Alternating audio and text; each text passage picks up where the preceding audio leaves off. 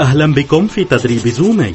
سنتعلم في هذه الجلسة عن كون الأمانة مقياسا للنضوج الروحي أفضل من المعرفة والتدريب ثمة فكرتان تسببتا بالكثير من المشاكل في الكنيسة اليوم. الفكرة الأولى هي أن النضوج الروحي للإنسان مرتبط بمقدار ما يعرفه عن كلمة الله.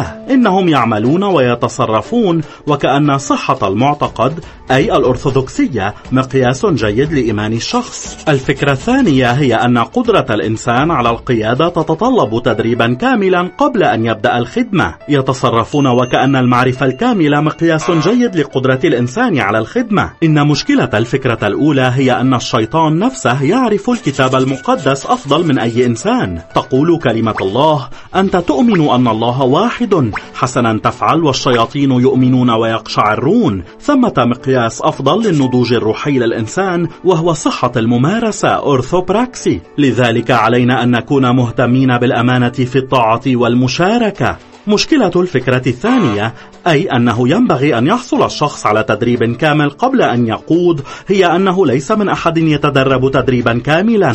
أعطانا يسوع نموذجا من نفسه في إرسال شباب قادة كان ما يزال عليهم أن يتعلموا أكثر وذلك ليتمموا أهم عمل في الملكوت. دعا يسوع تلاميذه وأعطاهم سلطانا على أرواح النجسة حتى يخرجوها ويشفوا كل مرض وكل ضعف. أرسل هؤلاء قبل أن ينطق بطرس بإيمانه بأن يسوع هو المخلص وهو أمر نعتبره أول خطوة إيمان. وحتى بعد أن أرسل يسوع بطرس وبخه يسوع مرات عديدة على أخطاء ارتكبها وكما أنكر بطرس يسوع إنكارا تاما لاحقا. وتجادل أتباع آخرون بشأن من هو الأعظم والدور الذي سيلعبه كل واحد منهم في ملكوت الله المستقبلي. كان ما يزال أمامهم الكثير ليتعلموه ولكن يسوع أرسلهم ليتحدثوا بما كانوا يعرفونه. الأمانة أكثر من المعرفة أمر يمكن أن يبدأ فور بدء الإنسان اتباعه يسوع.